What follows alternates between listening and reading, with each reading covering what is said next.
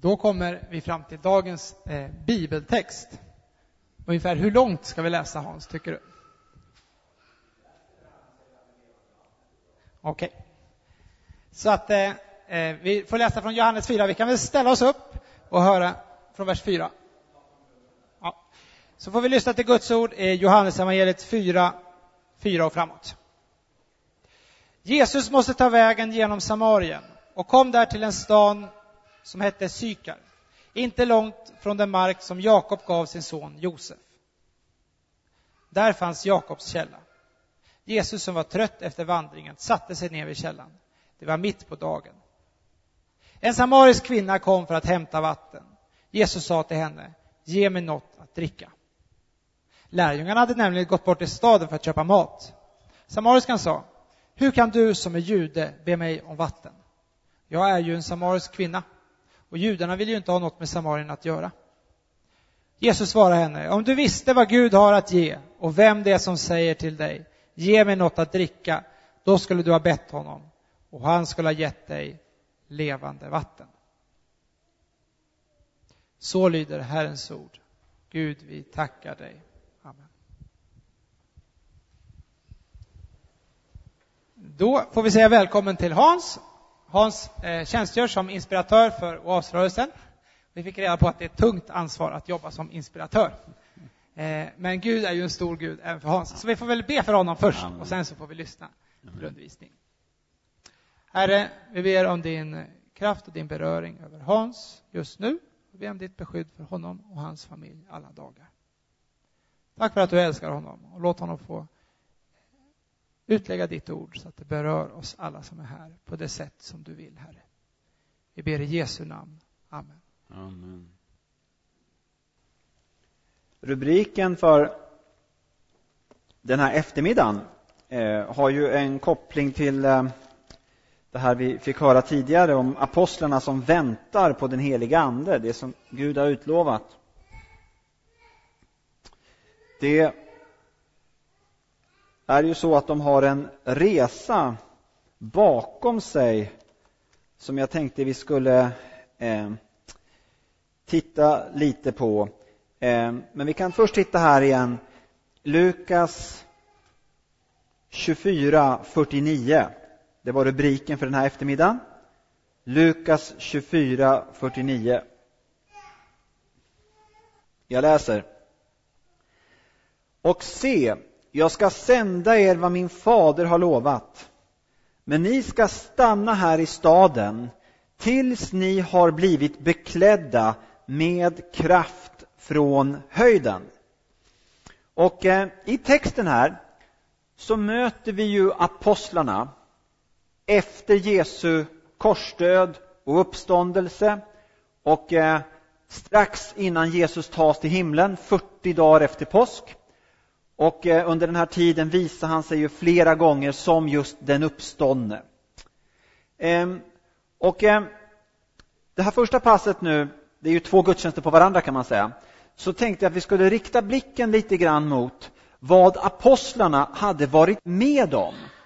Alltså vilken resa tillsammans med Jesus hade de bakom sig innan de kom fram till just den här punkten då Jesus ber dem att vänta Ehm, och be att eh, den heliga Andes kraft ska komma som en förberedelse inför pingsten och en ny tid.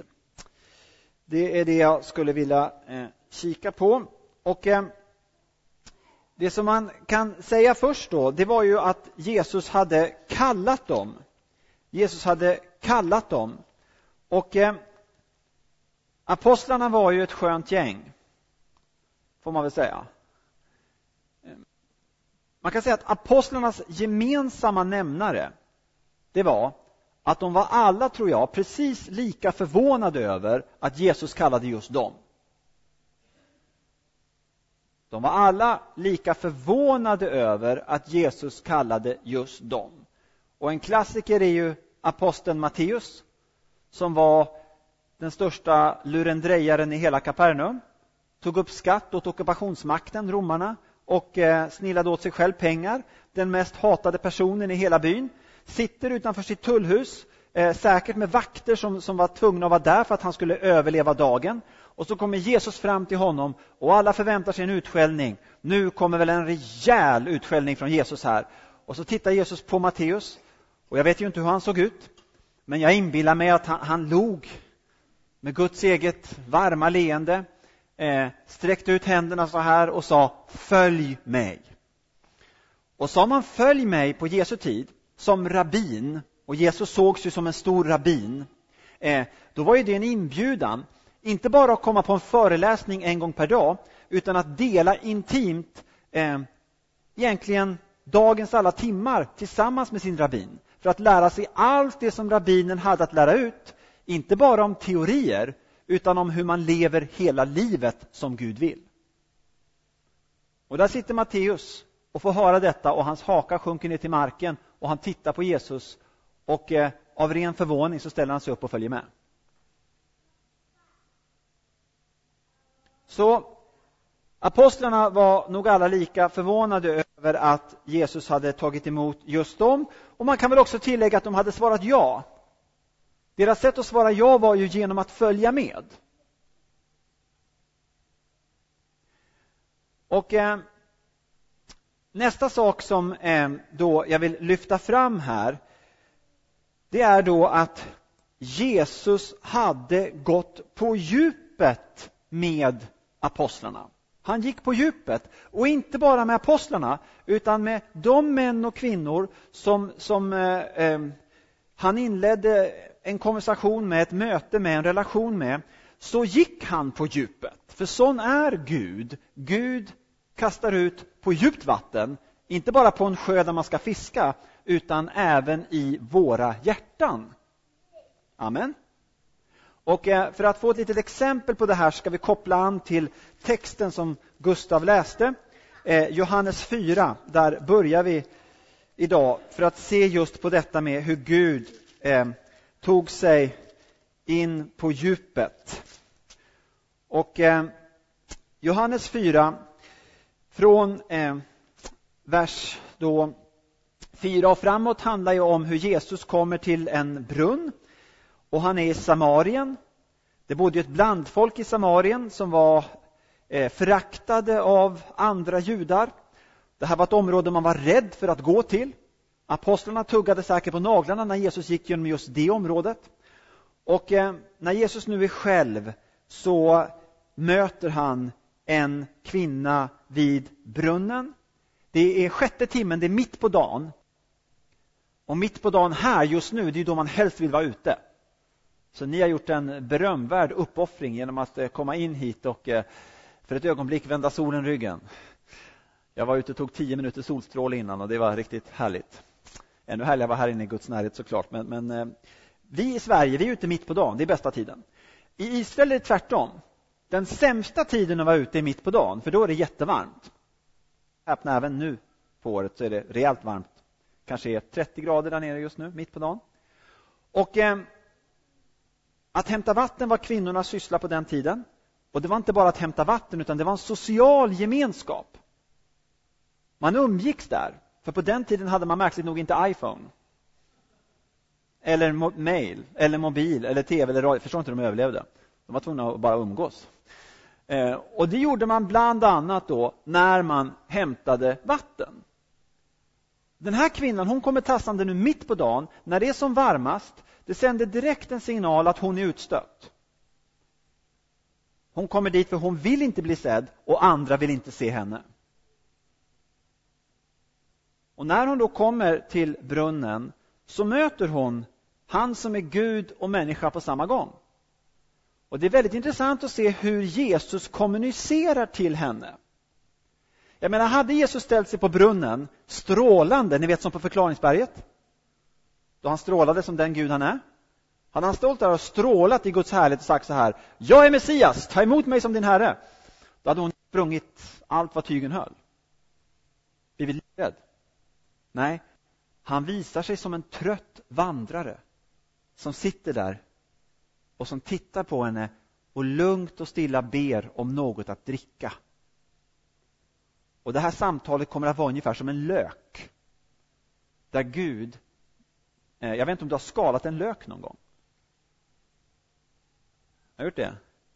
Ni vet att det är lager på lager. Så kommer det här samtalet vara. Det är som ett antal dörrar. Jesus sparkar aldrig in någon dörr. Han väntar på att du ska öppna dörren, men han vill att er relation ska vara en resa där du öppnar dörr efter dörr efter dörr och släpper in Herren på djupet av ditt liv. Och nu sitter han där som en trött vandrare och eh, ber henne om någonting att dricka. Och direkt studsar hon till. Hur kan du som är jude be mig om något att dricka, en samaritisk kvinna? Och nu fanns ju naturligtvis här kulturella skillnader, självklart, som gjorde att det var märkligt för henne. Men jag tror också att vi kan tänka in att detta har att göra med eh, oss. Jag sa redan i förmiddags att, att eh, vi har både den gamla och den nya människan. Vi har både den del som är född av den heliga Ande, om vi tagit emot Jesus som Herre, som egentligen är vårt, vårt sanna jag, som är det enda som kommer att överleva i himlen och som bara vill prisa Gud och älska Gud och alla medmänniskor hela tiden, konstant. Men vi älskar inte Gud och våra medmänniskor konstant. För att vi har vår gamla människa också. Den negativa sidan av vårt jag som, som, som kom i syndafallet och det kom in en, en krokighet som Bibeln säger i djupet av vårt jag. Och eh, det är väldigt lätt för oss att den här krokigheten tar överhand, den gamla människan. Och då får man precis det som den här kvinnan hade. Hon var skadad. Och därför så hade hon taggarna utåt. Hon hade en negativ självbild. Hon tänkte direkt att eh, det är ingen som vill ha med henne att göra, allra minst Gud. Det är så det börjar. Och så utspinner sig detta samtal som Gustav läste början av, då Jesus börjar tala om vattnet. Och ni vet vatten i Göteborg i oktober, det är något man vill bli befriad ifrån. Vi har så mycket vatten som kommer ovanifrån så vi blir trötta på det. Men tänk dig i Israel på den här tiden, vid den här tiden på året, då är allting torrt. Vatten är livet. Det är det man längtar efter mer än något annat. Hon är vid en brunn. Och när Jesus börjar tala till henne så kommer säkerligen den heliga Andes närvaro. Och den heliga Ande visar sig väldigt ofta i oss som en dragning, som en längtan. Andens frukt är kärlek, glädje, frid och det liksom öppnar upp oss och hon börjar öppna sig mer och mer. Och eh, Gustav läste ju just om hur eh, Jesus talade om det levande vattnet. Och eh, du slutade väl i vers 14, va, eller hur? Men den som dricker av det vatten jag ger honom skall aldrig någonsin törsta. Det vatten jag ger skall i honom bli en källa som flödar fram och ger evigt liv. Och så står det efteråt så här i vers 15. Kvinnan sa till honom, Herre, ge mig det vattnet så att jag inte blir törstig och behöver gå hit och hämta vatten. Och här har ett mirakel redan skett. Den här kvinnan som hade taggarna utåt, som hade en negativ självbild, där den gamla människan dominerade definitivt, den nya människan kanske inte ens fanns, hon hade tagit emot Jesus. Ehm, nu då, när den heliga Ande börjat verka i henne och börjat mjuka upp henne, det är som att Guds kärlek har börjat komma som ett vårregn över hennes torkade, eh, sargade själ, så, så kan hon inte stå emot den här dragningen. Så trots att hon kanske har en sida av sig själv som säger nu ska du sticka, stick nu, stick nu, stick nu, så, så, så säger hon Herre, ge mig av det vattnet. Alltså hon öppnar sig. Ge mig av det vattnet.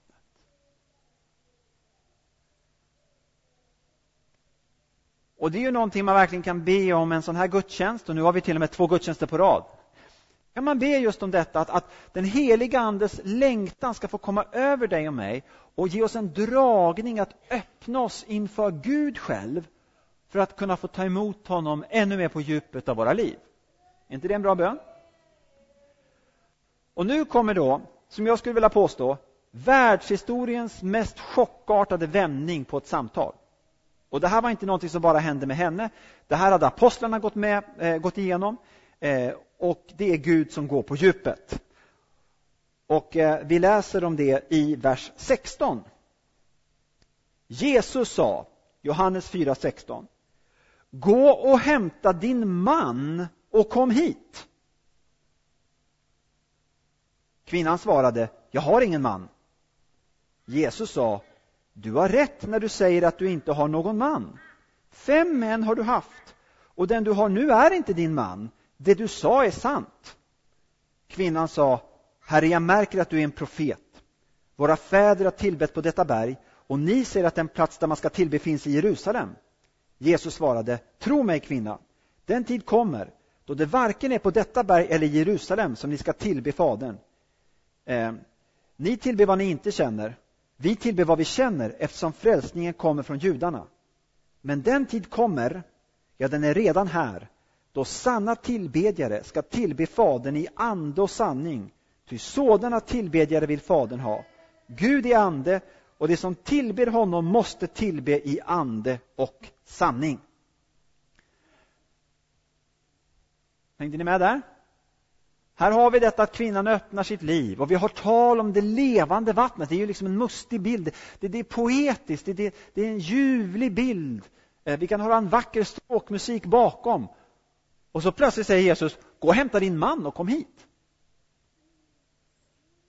Med en mening så berör han den känsligaste punkten i hela hennes liv. Säkerligen anledningen till att hon var utstött av de andra och det var hennes livs största misslyckande. Han bara säger det.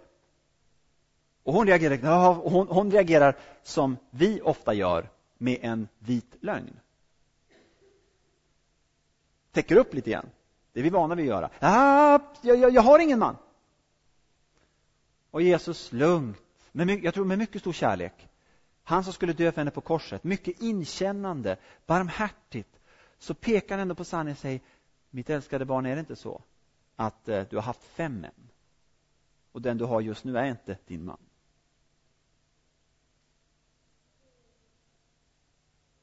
Och eh, vad som sker här, det har väldigt mycket att göra med den här eftermiddagen. Jag tror vi nämligen redan har fått höra e, en, en, liten hälsning till flera här inne. I alla fall till mig. Du kanske inte har tänkt på det? Och eh, Jag ska berätta om en bild, det är kanske min favoritbild. Min mamma bor tio mil härifrån i en mycket exotisk stad som heter Västerås. Jag vet inte om ni har varit där på charterresa någon gång? Väldigt, väldigt exotiskt. Jag är uppvuxen där. Och eh, vi bodde i en stor villa och så flyttade vi till en annan stor villa och så bodde vi lite Skåne emellan. Det är viktigt att du skriver upp det här. Nåväl.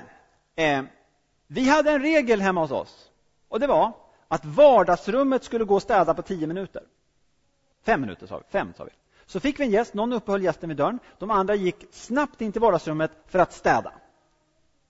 Och fick vi en gäst så hände det här och sen kunde vi stå som en vacker, lyckad, polerad familj och ta emot gästen i vårt vardagsrum och så bad vi till Gud att gästen inte skulle gå vidare in i huset.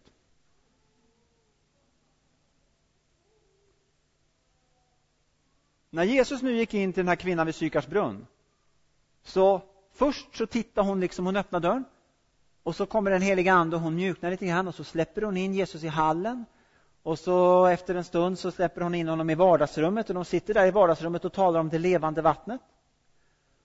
Och eh, så var det så här, vi hade olika katastrofzoner i vårt hus. Och den värsta katastrofen över alla rekord, det är källaren. Väldigt bra med källaren för det är en brant trappa ner. Så släpper man ner saker så försvinner de.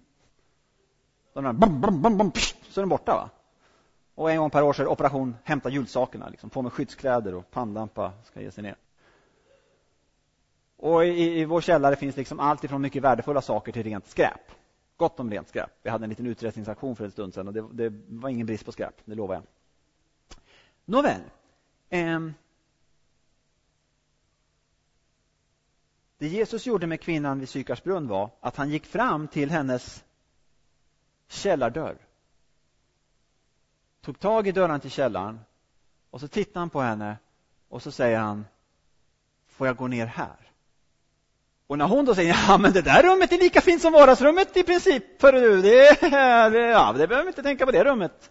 Eh, strunt i det, fint här i vardagsrummet.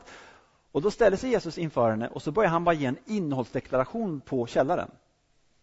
I källaren har du Tre mått skräp, du har de dammråttorna ligger där, det där är totalt eh, vansinnig ordning där, så han liksom bara ger en direkt innehållsförteckning på det värsta i källaren. Intressant. Och jag beundrar den här kvinnan. Jag beundrar henne. Hon är modig. Hon står kvar. Alltså det är beundransvärt att inte hon springer iväg. Det säger ju någonting om hur barmhärtig, ödmjuk, mild, inkännande Jesus var. Att hon vågade stå kvar fastän han hade talat om precis det som fanns i hennes källare.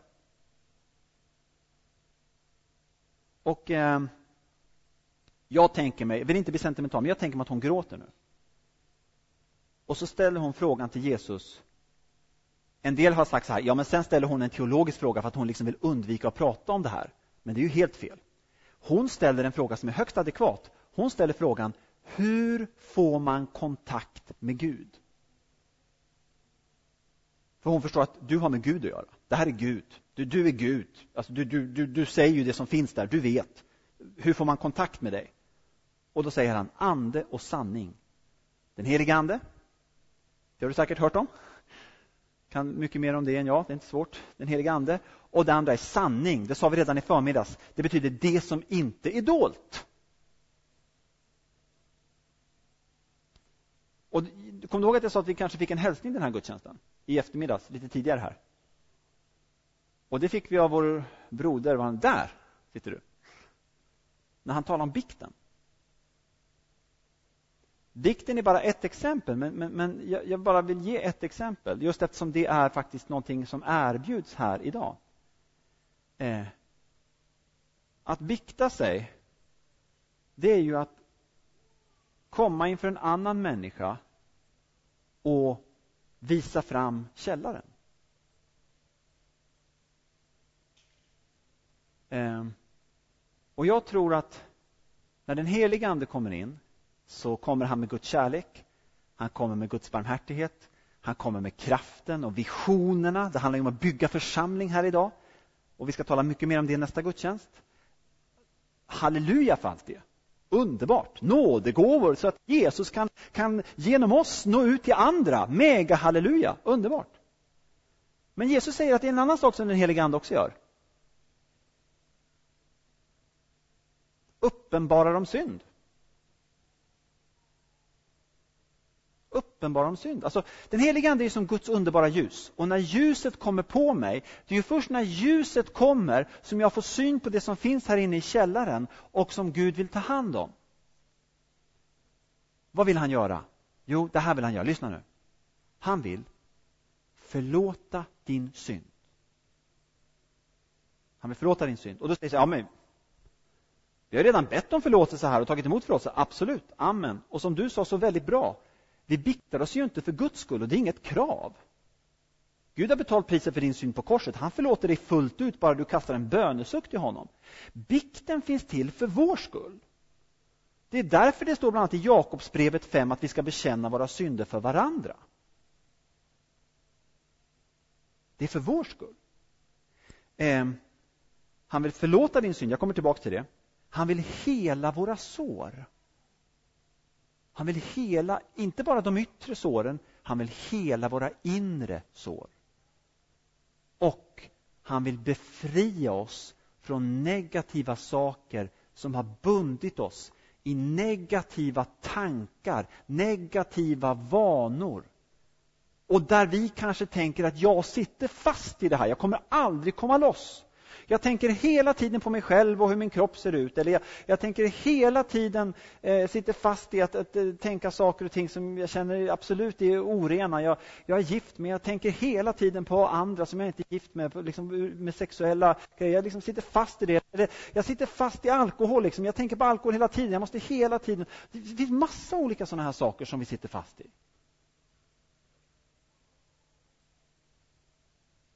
C.S. Lewis han sa så här en gång, på tal om att vi alla behöver förlåtelse varje dag. Så sa han, vi bör se på varandra som patienter på samma sjukhus.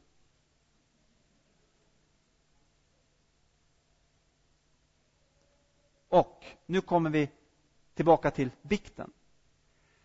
Eh, det som är så bra med bikten, det är att när man biktar sig så går man in till prästen. Prästen har tystnadsplikt. Har du en annan tradition där man inte använder just en präst för bikt eh, har jag stor respekt för det. Du ska använda dock någon som du har förtroende för. Typ en äldste i församlingen, pastor eller någon som du verkligen litar på. Som du vet inte kommer berätta om det här för andra och som du verkligen vågar öppna upp ditt innersta för. En präst är gott på det sättet att det är en person som har tystnadsplikt. Du, du, du, det vet du när du kommer dit, att den här personen kan du lita på på det sättet. Och sen då så är det ett kort samtal. Man håller inte på att samtala flera timmar, utan det är liksom ett kort samtal som har att göra med just att man, man öppnar garderoben och man, man, man berättar liksom inte innehållsdeklarationen allt i garderoben. Det är inte det som behövs. Gud förlåter dig alldeles utmärkt ändå. Det här med bikten fungerar starkt ändå. Utan du säger bara några olika meningar om saker som finns här inne.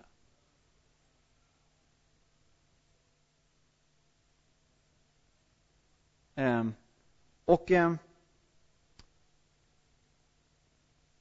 när man gör det så hjälper prästen dig själv med urskiljning.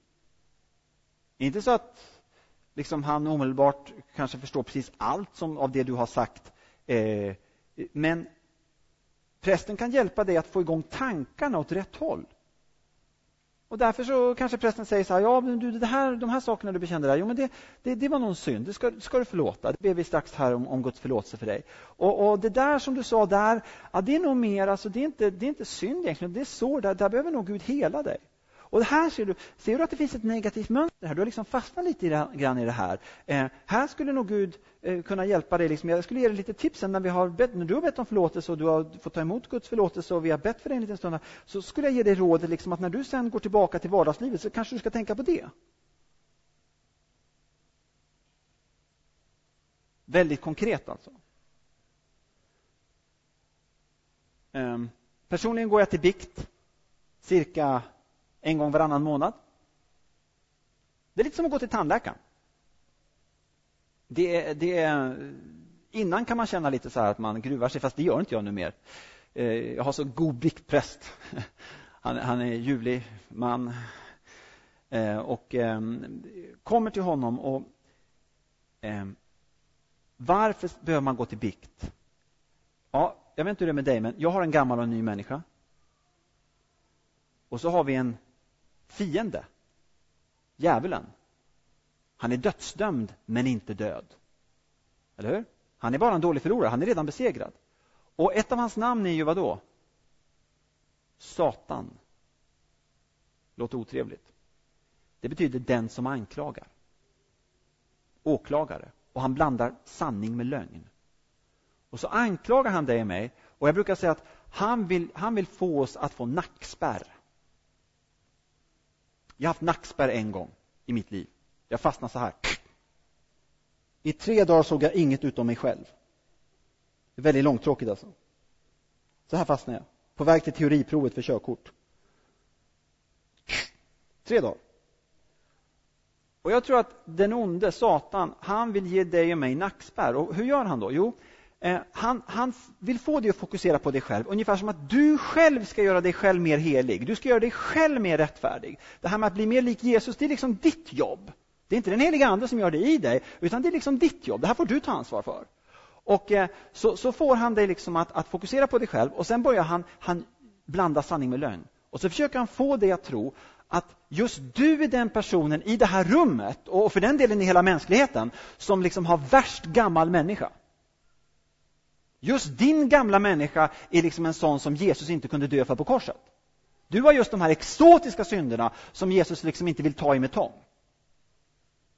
Och om det är så att Jesus har dött för dina synder och om det är så att han förlåter dig, om den onde inte kan få dig att sluta tro på det, så vill han ändå att du ska tro någonstans, okej, okay, han förlåter dig men motvilligt. Alltså du får ställa dig i hörnet. Du, du får leva som kristen på undantag. Det är modernt idag med light-läsker, eller hur? Cola light. Då vill han få dig att tro att du är kristen light. Lätt betyder det på engelska. Negativt lätt tänker jag på nu. Alltså du, du, du är liksom lite, du, du är lite sådär, ni vet, lite grann kristen. Men, men, men förvänta dig inga saker från Gud. Tro inte att den helige Ande verkligen är med dig och vill förvandla dig och alltihopa det här, för, för att du är liksom kristen på undantag. Så när den helige Ande kommer in, då, då, då, kommer han till nacken och vill få det att, att liksom få blicken därifrån upp så. Och då kan man säga så att, ja, okej, nu predikade du om det här och Hans, vi hör faktiskt ofta om det här, jag har hört det här precis så att jag behöver förlåtelse, jag får förlåtelse från Gud. Så att då klarar jag det. Och du som är stark nog att klara det här, eh, vis nog, eh, nog lik Jesus, jag bara gratulerar dig. Men vi är ganska många som är så pass svaga så att vi behöver hjälp genom till exempel, jag talar inte bara om bikten nu, men till exempel bikten. Vi behöver hjälp för att kunna eh, få en påminnelse om just det jag är förlåten. Vet du vad jag fastnar i ofta, så präst jag är? Jag fastnar ofta i eh, att jag ber om förlåtelse för samma synd flera gånger. Vet du hur det känns igen? Samma synd. Jo, Gud, den här synden. Du kommer ihåg den här synden, Gud? Och, och Gud säger, jag förlät dig första gången. Men vi får inte liksom upp tron på att vänta nu, Jesus dött för mig på korset, han har betalat priset, jag kan ta emot full förlåtelse och han älskar mig och, och, och, och vill bara komma med, med sin egen närvaro till mig när jag bara vänder mig till honom ödmjukt. Och för mig har det varit en väldig hjälp att gå till bikten och få säga till en präst eh, vad jag vill bekänna. Det har hjälpt mig så den onde liksom inte alls har lika stor eh, eh, kraft att kunna fiska i sådana här saker och ting i mitt liv. Och det här var ju då en liten, eh, eh liten eh,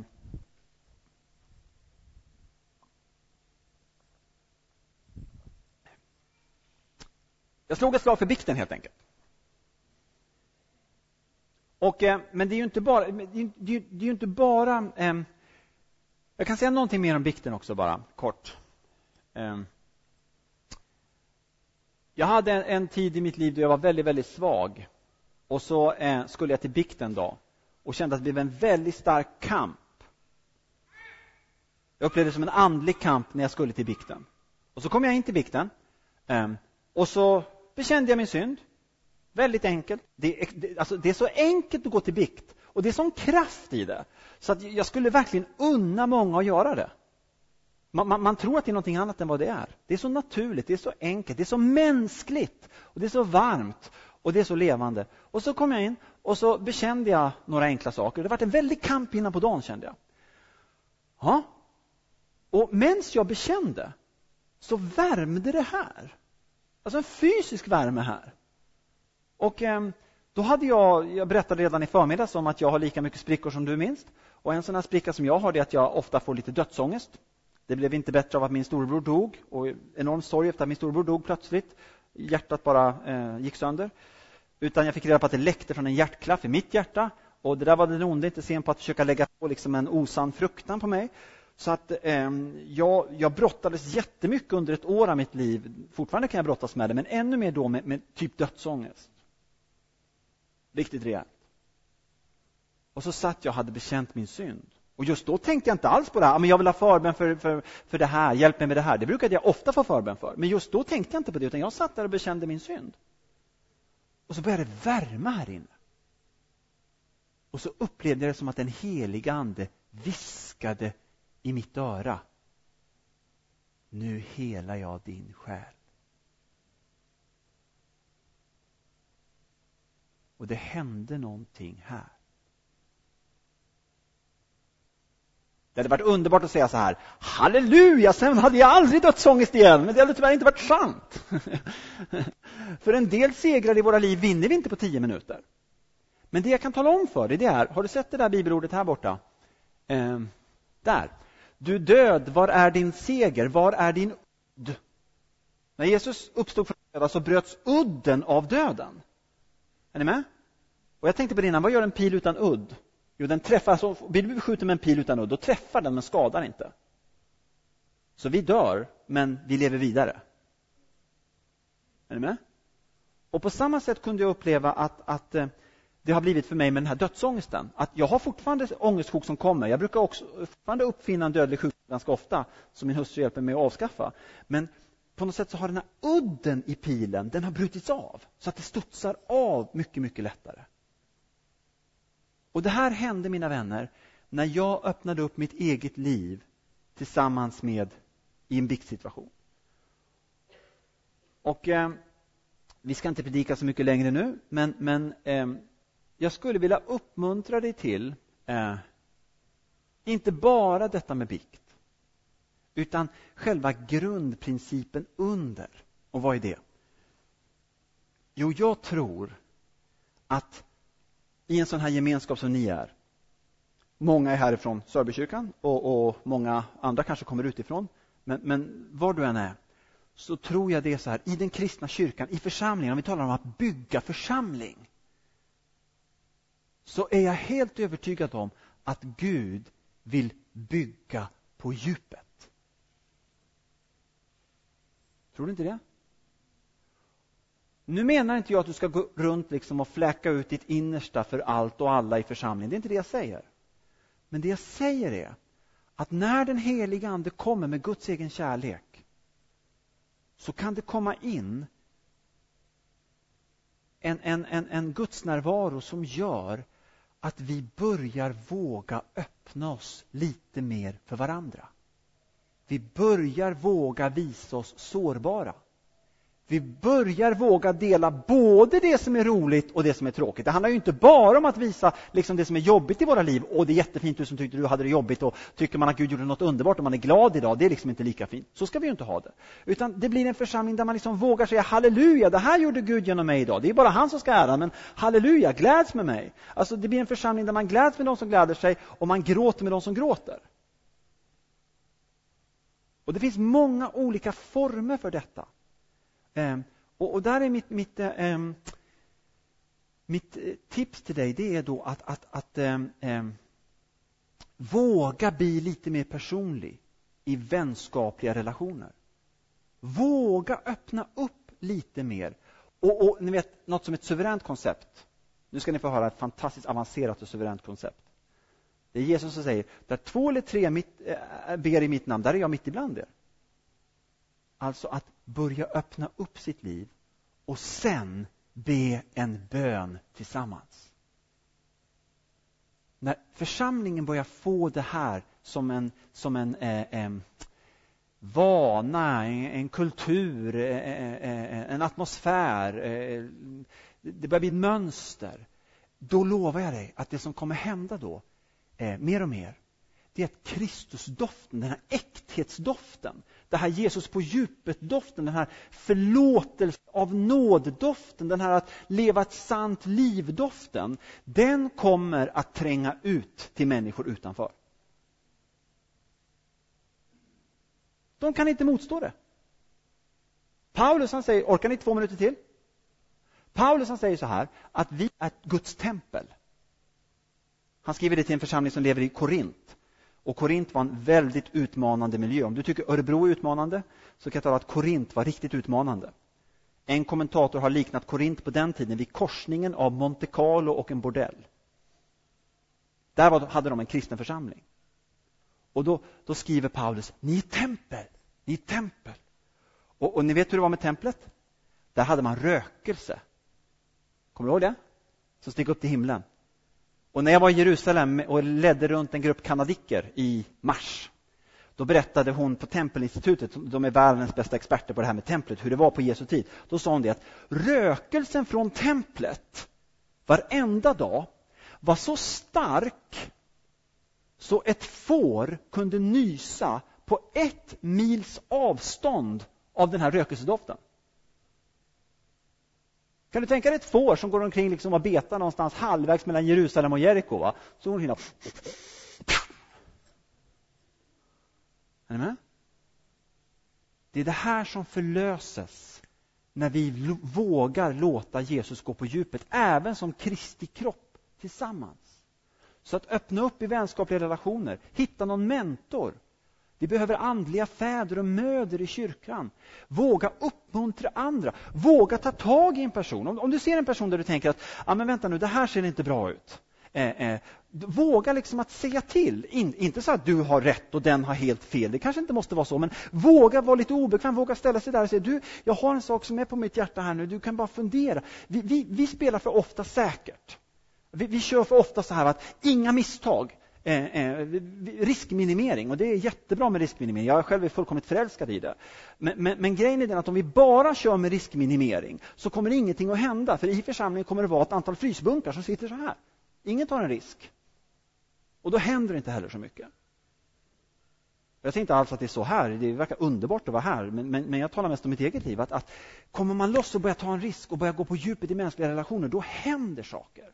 Och Jesus vill gå på djupet. Och det här, jag lovar dig, det här är sånt som berör människor på utsidan. För människor på utsidan, och som jag själv var nyss på utsidan och delvis i mitt liv jag är ju på utsidan och på insidan, men du förstår mig. De har så otroligt mycket trasighet i sina liv. Så när de märker att här finns en gemenskap där man inte är perfekt och där man vågar ta i de här sakerna och tala om de här sakerna. Det är dynamit. Det är Guds egen dynamit. Det sista exemplet bara, bara ett sånt här exempel. Jag ger ett litet exempel. Fyra, eh, en, en känner jag, en broder i England. Fyra affärsmän hade kommit till tro. De var nykristna. Och de läste i Bibeln att stå och bekänna synder för varandra, så de var inte smartare än att de tänkte att vi bekänner, jaha, bekänner synder för varandra. Du vet, de var vana från företagsvärlden, att det som står det gör man. Liksom. Så, ja, bekänna, det här är styrdokument, bekänna synder för varandra, okej, då ska vi göra det. Liksom. Så de satte sig de här fyra och så, så skulle de bekänna synder då. De hade varit kristna ett par månader kanske eh, och tänkte, oh, vänta, bekänna, det var lite jobbigt att bekänna synder, men det står ju så, ja, men då bara gör det, okej, vi kör loss, liksom, vi behöver väl det. Och, och, och, och så den första bara skruvar på sig och sa, okej, inför tre andra av sina affärskollegor då, va? alla fyra nyfrälsta. Jag har problem. Vi tar det direkt. När jag kommer på hotellrummet så tittar jag på porr. Det förstod han från Bibeln, det är en synd. Synd? Ja, det blev väldigt tyst bland de andra tre. Och så kom nästa och sa, ursäkta, ehm, jag har samma problem. Den tredje, japp, det gäller mig också, samma problem. Och den fjärde, japp, jag har också samma problem. Då förstår de, vänta, vad gör vi nu? Jo, vi måste bekänna vår synd. Just det. Jag har hört brodern själv berätta det här för mig personligen, så jag vet att det var så. Bekänna synd, just det. Ja, men då var det dags att bekänna synd. Så då, alla, alla fyra bekände synd inför Jesus. Tror du han förlät dem? Tack. Ett ja fick jag. Han förlät dem och de upplevde en enormt stark Guds närvaro. Det gör jag ofta i bikten. Själv upplever en enorm... Jag är aldrig så glad som efter bikten. Glad som en speleman i flera dagar brukar jag vara. Jag är glad annars också, andens glädje, halleluja. Men alltså efter bikten är helt otroligt. Det är sant. Nåväl, sen då så, eh, eh, när de hade bekänt sin synd och tagit emot Jesu förlåtelse, andens närvaro var där, tänkte de, hopp, nu måste vi ha en åtgärdsplan, för det står ju också i Bibeln att man ska sluta synda, så då måste vi bryta med det här på något sätt. Så då började de fundera på, hur ska vi göra det här? Vi måste ha en åtgärdsplan också. Så kom de på, ja, vi gör så här, att eh, när man kommer in på hotellrummet så lägger man Bibeln på tvn. Svårare att titta på porr om det är under Guds ord. Ja, så lovar de varandra så att när jag kommer till hotellrummet så är det bara Bibeln på tvn. That's it. Och sen så kom de på, ja men vi måste göra något mer, vi måste pressa oss själva lite grann. Det här säger jag inte att det är rätt, inte det här jag anbefaller, så missförstå mig rätt nu. Men jag tycker bara liksom lite härligt befriat. Så, så ah, Okej, okay, vi har böter också. Så, så har man gjort något sånt här nästa gång vi träffas, då får man böta. Så gick det till Världens barn eller något sånt där, va? gick till någon martyrkyrka eller någonting. Men de, de bötade. Och, och ni vet, jag hade, det hade varit underbart att stå här och säga till er, halleluja, de bekände sina synder och sen hade ingen problem med porr. Så var det inte. Ibland är det så, och det är underbart när det sker, men för dem var det inte riktigt så. Utan jag tror tre av de här fyra i alla fall fick kämpa. Det tog dem ett år att komma fria. Men Bibeln på tvn, bekänna för sina kompisar, bötesbeloppet, ja det var väl mest ni vet, symboliskt. Men alltså hela grejen gjorde att de förstod att det finns en riktning här. Gud vill gå på djupet och han vill hjälpa oss med det. Han älskar oss. Och nu får vi hjälpa varandra och så kommer vi loss.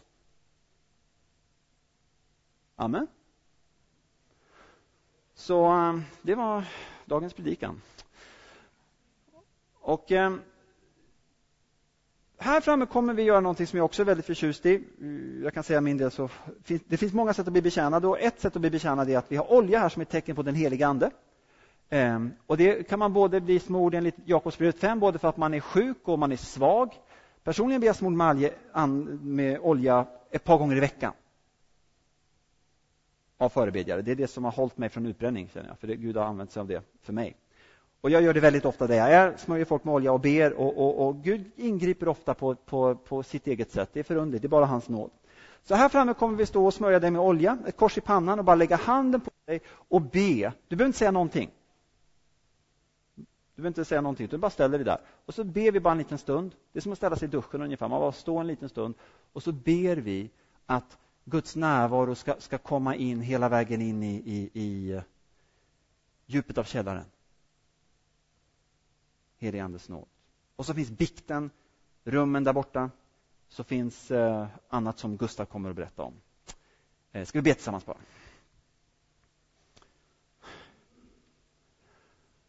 Vi tackar dig Fader för ditt ord.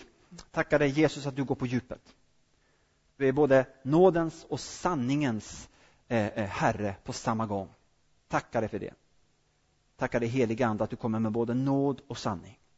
Inte för att du vill eh, trycka ner oss, utan för att du vill befria oss. Men det måste ske på sanningens grund. Och därför ber jag dig, Herre, just nu att, att eh, du skulle komma till oss, precis som till kvinnan vid Sykars brunn, precis som till apostlarna. Kom till oss just nu. Eh, vi ber att du skulle få ehm, eh, tillträde till vår källare. Och Herre, du ser precis vad som har väckts i varje person här inne idag, i eftermiddag. Jag ber dig här att du kommer nu och, och stiger ner i vår källare på tusen olika sätt. Jag ber att du ger mod att gå till bikt, de som ska gå till bikt redan nu i eftermiddag och ta ett steg i tro där. Ge mod att gå fram och bli smord med olja för de som ska det, eller gå till förbön och kanske berätta om någonting i förbön, eller, eller dela något med en vän. Eh, kanske redan ikväll, eller i eftermiddag eller imorgon. Herre, ge oss mod att både inför dig och inför varandra och människor vi möter i vår vardag, ge oss mod att i ditt namn med ödmjukhet och barmhärtighet eh, gå på djupet det ber vi dig, far. Tack för att du älskar oss så mycket. Tack för att du vill förlåta vår synd, du vill hela våra sår och du vill befria oss från negativa saker som binder oss. Tack för det, Fader. Och Jag ber här att du den här eftermiddagen faktiskt ska ge helt ny tro till många här inne. Jag tror Herren vill ge helt ny tro till flera här inne. Där du känner att ah, jag sitter fast i det här, jag kommer aldrig loss ur det här. Då tror jag Herren vill säga till dig just nu, det är en lögn. Jag vill hjälpa dig att komma loss ur det här, tror jag Herren säger till dig. Jag vill hjälpa dig, jag vill förlåta din synd, jag vill hela dina sår, jag vill befria dig från negativa bindningar. Jag vill komma in med mitt ljus hela vägen ner i källaren och tända upp en eld som aldrig ska slockna. Jesu namn. Amen.